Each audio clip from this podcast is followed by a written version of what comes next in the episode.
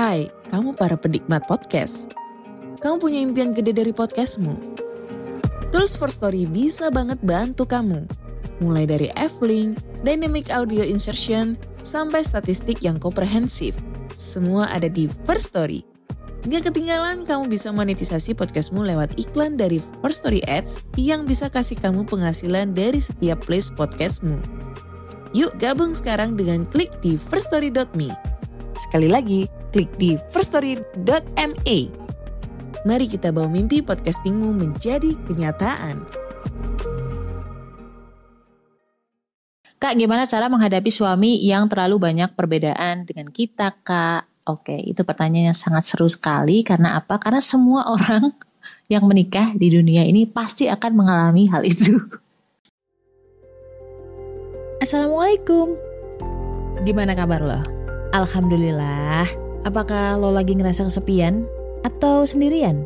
Kenalin, gue Ria Marliana, teman healing lo di podcast Self Healing. Di sini kita bakal ngobrol bagaimana sih belajar berdamai dengan luka. Tentu aja atas izin Allah Subhanahu wa taala. Semoga Allah sembuhkan lukamu, ringankan bebanmu dan kuatkan hatimu. Gue pengen tahu deh, uh, usia pernikahan berapa lama sih? Jangka waktu yang sangat krusial dalam sebuah pernikahan adalah usia lima tahun pernikahan. Karena di saat lima tahun pernikahan ini kita tuh kayak menyamakan langkah gitu, paham gak sih? Ya kan karakter manusia itu kan terbentuknya bukan hanya mak berduduk gitu doang. Karakter manusia itu terbentuk dari watak bawaan, fitrah, pengalaman dia selama ini, pemikiran dia. Suami lo misalkan 30 tahun, lo misalkan 25 tahun jadi sudah terbentuk wataknya dia selama 30 tahun itu. Begitupun kamu, kamu memiliki watakmu sendiri selama 25 tahun. Bayangin tanah liat dibentuk selama 30 tahun itu betapa kerasnya ya, dibenturkan dengan panas, hujan dan kawan-kawan. Jadi wajar aja kalau misalkan kadang kalian saling berbenturan, belum bisa menyatu. Dan ini poin paling penting buat kita tidak ada dua manusia yang sama persis wataknya. Pasti akan beda. Jangankan kok kamu sama suami yang sama-sama cewek aja, itu bisa beda wataknya, kepalanya beda. Apalagi cewek dan cowok.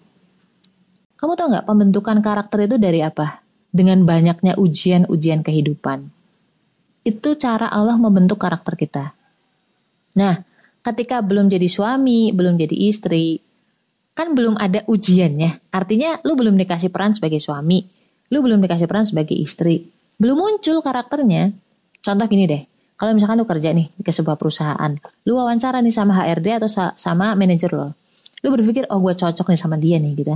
Begitu masuk ke sebuah perusahaan itu, lu join sama perusahaan itu, terus ada masalah, ada problem, mulai deh kelihatan kan bagaimana cara dia menghadapi masalah gitu. Bagaimana cara dia menghadapi ujian itu. Begitupun dalam rumah tangga. Rumah tangga itu kan ibarat kata tuh perusahaan lo sama suami lo. Suami lo adalah CEO-nya, sedangkan kamu mungkin general manajernya. Pasti akan ada banyak bentrokan. Orang yang semakin menderita adalah orang yang terfokus kepada personalitinya masing-masing. Kayak, ada bos gua tuh orangnya kayak gini, kayak gini, kayak gini gue tuh nggak seneng orang yang begini-begini nih gitu loh. Jadi punya standar yang berbeda punya cara pandang berbeda. Kalau kita sibuk dengan agenda masing-masing kita sibuk dengan nunjuk dia begini nunjuk kita begini gitu nggak akan pernah selesai masalahnya. Sederhana ya. Orang yang bisa bertahan dalam sebuah pernikahan sampai usia 50 tahun bahkan sampai 70 tahun pernikahan kira-kira nih apakah karena mereka cocok satu sama lain?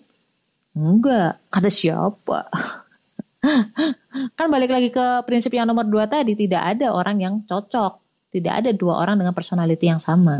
Terus apa dong yang bikin mereka tetap bertahan? Karena mereka masih mau. Yang membuat pernikahan itu buyar karena salah satu atau keduanya tuh benar-benar udah nggak mau bersatu udah nggak mau bareng. That's it. Orang yang masih mau bareng karena mereka masih melihat visi misi atau tujuan yang sama Nah sekarang tinggal tujuan kamu sama suami lo apa?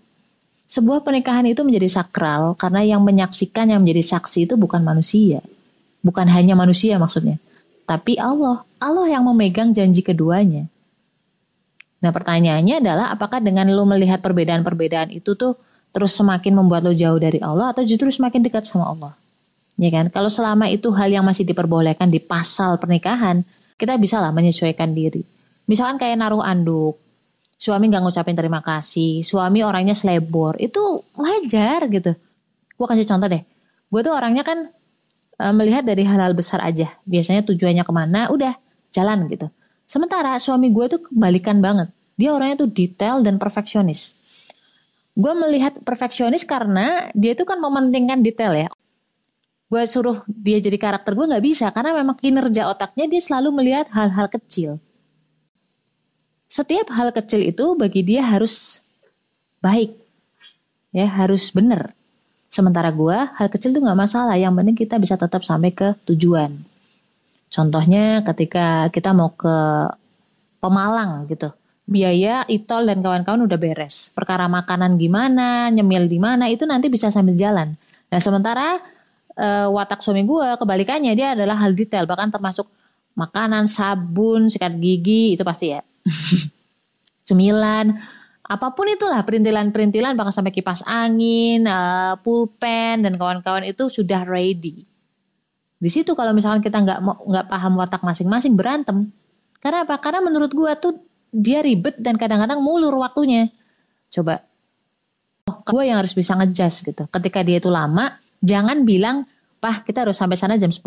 Jangan pepetin, kita bilang sama suami, "Pah, sampai sana jam 9." Jadi ketika dia mulur pun satu jam, kita masih belum telat gitu loh. Caranya kayak gitu. Jadi kita sendiri yang harus adjust diri kita. Kadang merubah watak seseorang uh, itu dimulai dari kita ridho. Jadi bagaimana cara gue tuh bisa menyamakan langkah sama suami, begitupun sebaliknya. Yang pertama adalah kita sudah tidak menuntut dia menjadi saya dan saya menjadi dia. Masing-masing paham bahwa ya gue orangnya kayak gini dan lo orangnya kayak gitu. Gak usah disuruh pun gue akan berusaha untuk menjadi lebih baik. Begitupun suami gue. Karena itu fitrah manusia, sunatullah kayak gitu. Lalu yang kedua adalah fokus kita nih. Kita masih punya tujuan yang sama gak nih? Ataukah memang kamu sudah punya tujuan yang berbeda? Ataukah kamu tujuannya bukan Allah ya udah berarti kita udah gak bisa bareng kan beda ya antara maksiat dan juga kesalahan gitu. Kesalahan kadang menurut kita salah, menurut dia enggak. Lalu uh, hal yang paling penting gini, fokus kita itu ke Allah. Tujuan menikah itu kan Allah ya. Kalau tujuan kita adalah suami harus begini, gua harus begini, itu capek jatuhnya. Tapi kalau tujuan kita Allah, kita semakin menambah ilmu ke Allah, semakin bertambahnya ilmu itu insya Allah kita semakin sabar. Karena obatnya sabar itu adalah ilmu.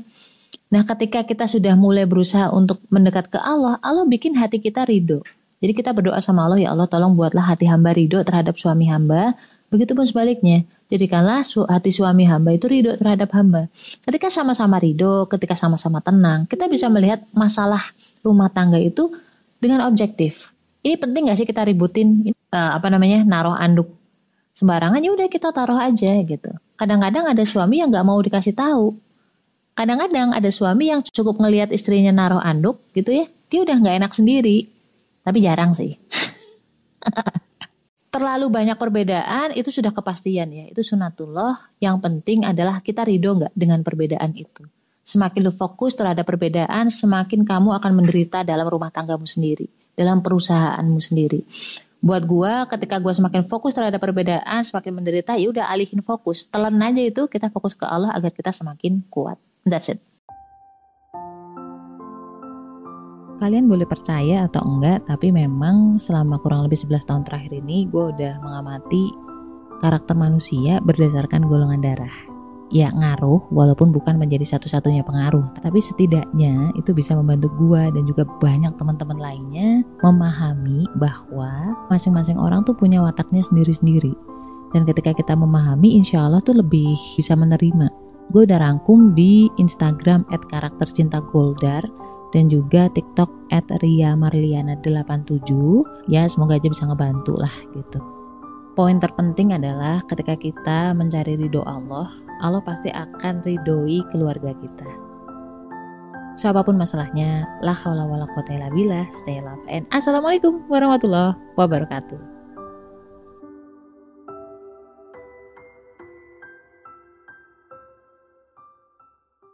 episode selanjutnya.